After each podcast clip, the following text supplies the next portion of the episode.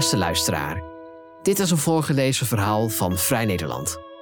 Er doen nogal wat verhalen de ronde over vastberaden eenlingen die eigenhandig onderzoek doen naar misstanden en zo complotten ontmaskeren. Is de werkelijkheid aan het verthrilleren?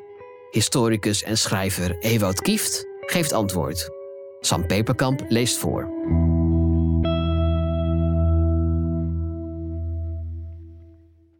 In het oude bruine café waar ik vroeger vaak kwam, was een bovenkamer waar je mocht roken. Dat kon in die jaren nog maar op een paar plekken in de stad. Afgesloten rookruimtes waren nog wel toegestaan, maar de meeste café-eigenaars waren er inmiddels achter gekomen dat je rokers, gezien de hardnekkigheid van hun zelfvernietigingsdrang, net zo goed naar buiten kon sturen, zonder dat dat ook maar enige invloed op de omzet had. Dat nam niet weg dat mijn vrienden en ik wel degelijk een voorkeur voor kamertemperatuur hadden en we dus in de winterse nadagen van het rookgedoogbeleid stevast op dezelfde bovenkamer van ons favoriete café afspraken. Het was een interessante verzamelplek van jolige vriendengroepen die hier afspraken om weer eens bij te praten en bejaarde buurtgenoten die rustig in de hoek een krantje zaten te lezen, met een checkie tussen hun vergilde vingers. In het weekend stond het hele café vol met de kraamhouders van de markt om de hoek, die al jaren de gewoonte hadden hier luidruchtig hun werkdag af te sluiten. Ik kan me allerlei spontane gesprekken herinneren die op die rookzolder ontstonden, helemaal door de weeks, als het rustig was. Op één avond zat ik al een tijdje in de bovenkamer met een vriend te praten toen we gezelschap kregen van een magere, wat geklede man. Duidelijk een vaste klant, gelet op zijn vertrouwelijke omgang met de barman die met hem mee de krakerige trap opliep voor een korte rookpauze. Pontificaal ging de magere man naast ons op de bank zitten. Zo, zei hij, ik strijk even hier neer, als ik jullie niet ontrief. We mompelden iets welwillends. Even leek het daarbij te blijven, maar de man was nog te vol van het gesprek dat hij beneden aan de bar had gevoerd en besloot dat onze aanwezigheid geen belemmering vormde om het hier voor te zetten. Hij zei: Maar ik heb me er dus grondig in verdiept. En het kan dus niet. Dat staal waarmee de constructie gemaakt is, dat smelt pas bij 1500 graden. Triomfantelijk keek hij op naar de barman, die bij de ingang van de rookkamer was blijven staan, boven de trap, zodat hij zicht kon houden op de klanten beneden. De man vervolgde: Begrijp je? En kerosine verbrandt zo ergens tussen de 400 en de 800 graden. Ervan overtuigd dat hij hiermee het beslissende bewijs had geleverd, keek hij opnieuw naar de barman, die reageerde met een, dankzij jarenlange training perfect uitgevoerde, uitdrukkingsloze blik. Niet afwijzend, maar ook zeker niet beamend. Waarna de magere man zich tot ons wendde en zei: En er waren op de onderste verdiepingen duidelijk rookwolken te zien. Hij liet een stilte vallen. Voordat de torens instortten.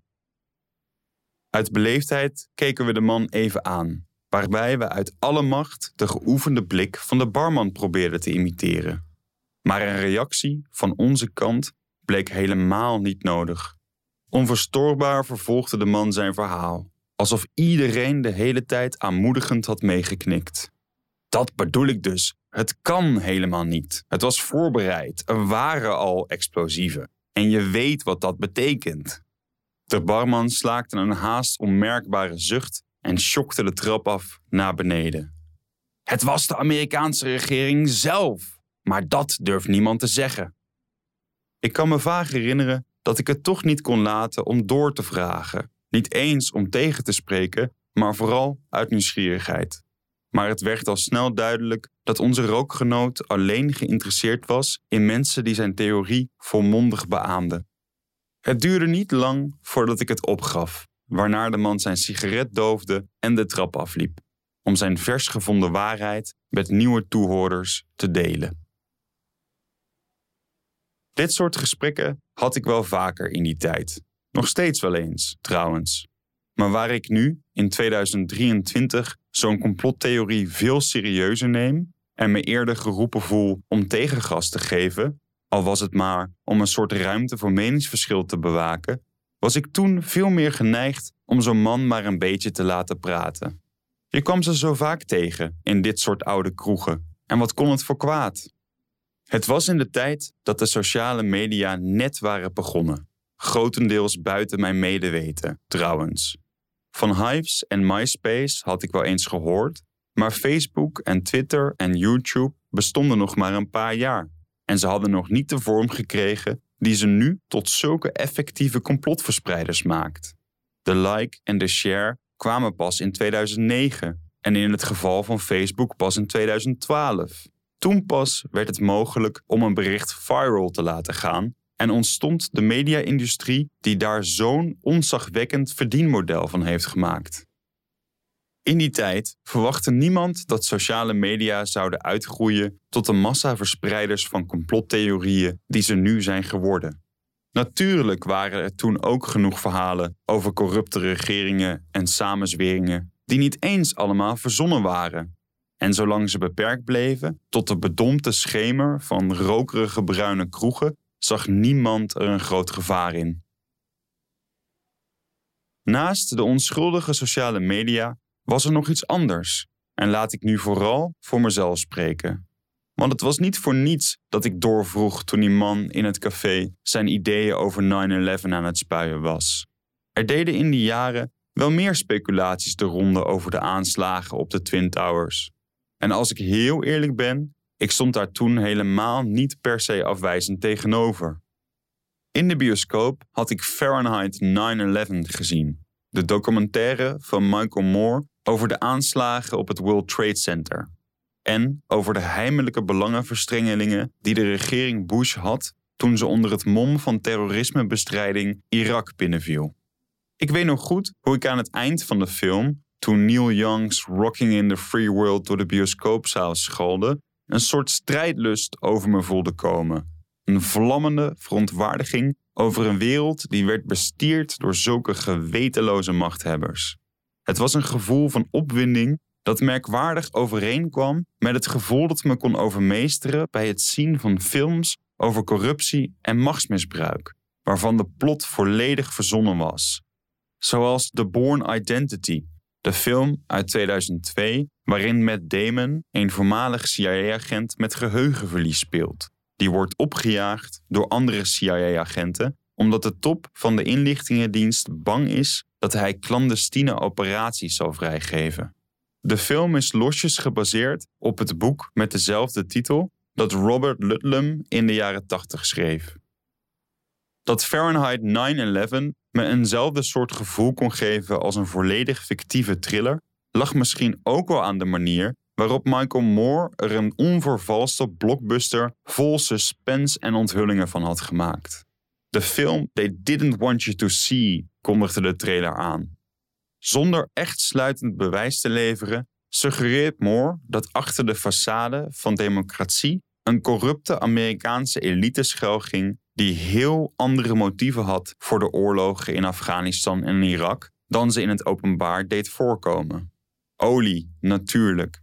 Maar er waren ook onfrisse banden met bedrijven die de wederopbouw in die landen verzorgden. En Moore liet zelfs schokkend bewijs zien dat de Amerikaanse ministeries 142 leden van de familie Bin Laden stiekem het land uit hadden gesmokkeld zonder dat de FBI ze had kunnen verhoren. Ik was trouwens zeker niet de enige die werd meegesleept door Fahrenheit 9/11. In 2004 won de film de Gouden Palm in Cannes, een unicum voor een documentaire. Misschien waren het ook vooral Moore's gevoel voor drama en entertainment waarom de film werd bekroond, niet zijn journalistieke kwaliteiten. De grens tussen fictie en werkelijkheid is altijd dun geweest bij politieke thrillers. En dat geldt zowel voor films als voor boeken. Helemaal in het genre van de conspiracy thriller, een categorie die in de Engelstalige wereld sinds de jaren 70 wordt onderscheiden, is de overlap met de bestaande politieke werkelijkheid altijd groot geweest. Zelfs als de verhaallijn volledig aan de fantasie van de schrijver is ontsproten, zoals in James Grady's Six Days of the Condor of The Pelican Brief van John Grisham, om zomaar twee voorbeelden te noemen, zit in de omweld van het verhaal genoeg geloofwaardigs, waardoor je als lezer toch het gevoel hebt dat je over de werkelijkheid aan het lezen bent. Een van de bekendste thrillers uit de filmgeschiedenis, All the President's Men, is gebaseerd op het gelijknamige non-fictieboek van de inmiddels legendarische onderzoeksjournalisten Carl Bernstein en Bob Woodward, waarin ze hun journalistieke onderzoek naar het Watergate-schandaal tot in detail uit de doeken doen. Na Watergate en natuurlijk ook de Vietnamoorlog en de moorden op John en Robert Kennedy en Martin Luther King heerste in Amerika een gevoel van desillusie. Het was een cultureel klimaat waarin de samenzweringstriller tot grote bloei kon komen. Van Frederick Forsyth's The Day of the Jackal over het complot om president de Gaulle te vermoorden, tot Richard Condon's Winter Kills over een samenzwering van de maffia, de Amerikaanse inlichtingendiensten, een aantal grote bedrijven en de politieke elite om de Amerikaanse president te vermoorden. Ook al heeft die laatste in het boek een andere naam, het hele verhaal is duidelijk gebaseerd op de moord op John F. Kennedy. De hele populaire cultuur van de jaren 70 leek doordrongen te zijn van een ontluisterend besef dat de politieke werkelijkheid niets te maken had met stralende beloften van vrijheid en vooruitgang, maar vooral bestond uit bureaucratische onmacht en cynische machtspolitiek. Dus, zou je zeggen, als het genre van de conspiracy thriller zo goed gedijt bij een maatschappelijk klimaat van desillusie en wantrouwen, zouden we op dit moment een ware house ervan moeten meemaken. Want er hangt nogal wat argwaan in de lucht. En er doen genoeg verhalen de ronde die merkwaardig veel overeenkomsten vertonen met bloedstollende thrillers. Vastberaden eenlingen, uitgekotst door het systeem, besluiten zelf onderzoek te doen naar de ware toedracht achter een reeks van mysterieuze sterfgevallen, om uiteindelijk een wereldwijde samenzwering van machtige farmaceutische bedrijven en politieke machthebbers te ontdekken, die onder het mom van een niet bestaand virus de hele wereldbevolking in hun macht proberen te krijgen. Of wat te denken van de verhalen over een hooggeplaatste Amerikaanse inlichtingenofficier, die als een van de weinigen toegang heeft tot de diepste staatsgeheimen en die vanuit de goedheid van zijn hart besluit te lekken. Wel op een heel cryptische manier natuurlijk, anders valt het spoor te makkelijk naar hem terug te leiden. Stukje bij beetje wordt zo een wereldwijd netwerk onthuld van mensenhandelaars die kinderen ontvoeren en afleveren bij hooggeplaatste figuren, die ze seksueel misbruiken en vermoorden. Aan wilde complottheorieën geen gebrek. Maar het gekke is dat juist deze laatste jaren er nauwelijks meer boeken uitkomen in het genre van de conspiracy thriller. Ik doorzocht boekwinkels, spitte recensies door, speurde er de meest recente VN-trillergidsen op na maar trof voornamelijk misdaadromans die draaien om psychologische intriges, familiegeheimen of hoogstens wat samenzweringen uit het verleden. En natuurlijk een eindeloze hoeveelheid beklemmende Scandinavische moordmysteries in grauwe gehuchten waar de zon winters nauwelijks schijnt. Dit zaakje stinkt, hoorde ik mijzelf mompelen. Hoe langer ik zocht, hoe vreemder het allemaal bleek te zijn. Er was namelijk één schrijver die de afgelopen twintig jaar met onverstoorbare consequentie over complotten en geheime genootschappen had geschreven: Dan Brown. Natuurlijk, de Da Vinci-code, het Bernini-mysterie, kunstwerken vol symbolen en anagrammen die aanwijzingen bleken te zijn. Onthullingen over de orde van de Tempeliers, de Rozenkruisers en natuurlijk de Illuminati. Als er één thrillerschrijver was die de geest van deze tijd uitdrukte, zou hij het toch moeten zijn. Maar toen ik keek naar zijn laatste boek, het enige dat hij de afgelopen zes jaar heeft uitgebracht, stuitte ik op een kleurrijk geïllustreerde kaft vol vrolijk lachende dieren. Een olifant, een nelpaard, een jaguar, een kangeroe, elk met een instrument in de hand. Het wilde dierenorkest stond er met rode letters op de omslag. Dan Brown is een kinderboekenschrijver geworden. Ja, ja. En zo kun je achter het mysterie van de verdwenen conspiracy thriller een kwaadwillende samenzwering zoeken. Maar, zoals dat gaat met complottheorieën, er is een veel waarschijnlijker verklaring, die is alleen aanzienlijk minder sensationeel.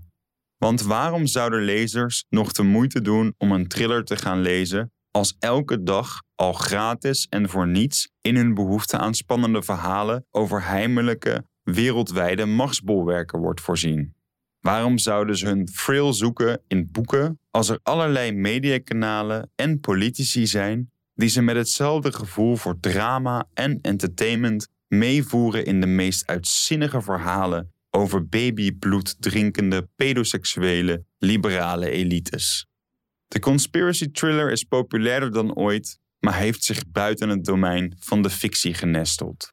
En dat heeft volgens mij vrij soepel kunnen gebeuren. Feit en fictie zijn altijd onnauw met elkaar verstrengeld geweest in het genre. De opwinding die ik voelde bij het zien van Fahrenheit 9/11 was verwant aan het gevoel dat de Bourne-films en andere fictieve politieke thrillers in mij losmaakten. Dat lang niet alles helemaal waar was in die verhalen, nam niet weg dat ik nog genoeg overeenkomsten met de werkelijkheid zag om er een kern van waarheid in te ontdekken. Al was het maar in emotionele zin. Gewoon zoiets simpels als het inzicht dat bijna alle politici bereid zijn de waarheid te verdraaien als ze daarmee hun handelen kunnen rechtvaardigen. En zo gaan volgens mij de meeste mensen ook met de complottheorieën van nu om. De overgrote meerderheid snapt heus wel dat veel ervan niet exact met de werkelijkheid overeenkomt. Ze geloven er vooral in op een soort overdrachtelijke manier, als fictie die een kern van waarheid bevat. Een veelzeggend voorbeeld vind ik altijd de reacties op Pizzagate. Volgens QAnon-kanalen bevond zich in de kelder van een pizzeria in Washington het centrum van een internationaal pedosatanistisch netwerk.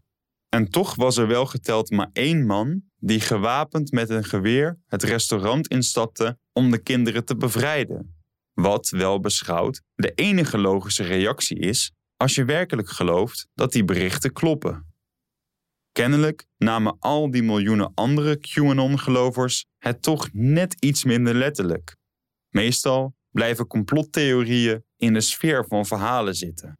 En dat verklaart ook meteen waarom het meestal niet zo gek veel zin heeft om complotdenkers met allerhande losstaande feiten te weerspreken. De kracht van een goed complotverhaal zit hem in het scheppen van een betekenisvolle eenheid in wat ogenschijnlijk een incoherente opeenvolging van gebeurtenissen leek. Dat was de kracht van fictieve conspiracy thrillers en dat is de kracht van complottheorieën die claimen de werkelijkheid te beschrijven. Alles heeft verband, er zijn geen losse eindjes. Om de conspiracy thriller weer naar het domein van de fictie terug te verwijzen, wat om heel veel redenen een goed idee zou zijn, is het vooral nodig om het gevoel weg te nemen dat er een kern van waarheid in zit.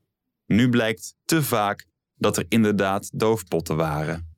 Het verhaal van de Amerikaanse regering over massavernietigingswapens in Irak was inderdaad een leugen.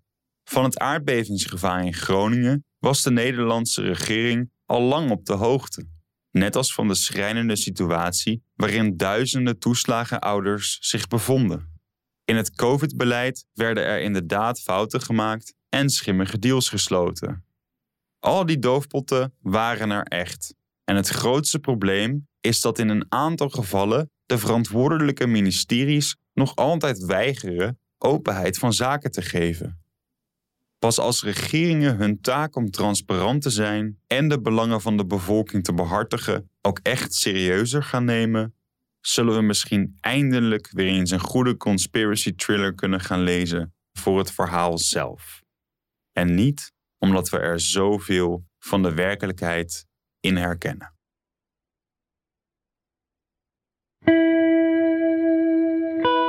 Wil je meer verhalen van ons lezen of beluisteren? Kijk dan op vn.nl of abonneer je op Vrij Nederland in je podcast-app. Voor onze trouwe luisteraars hebben wij ook een speciale actie.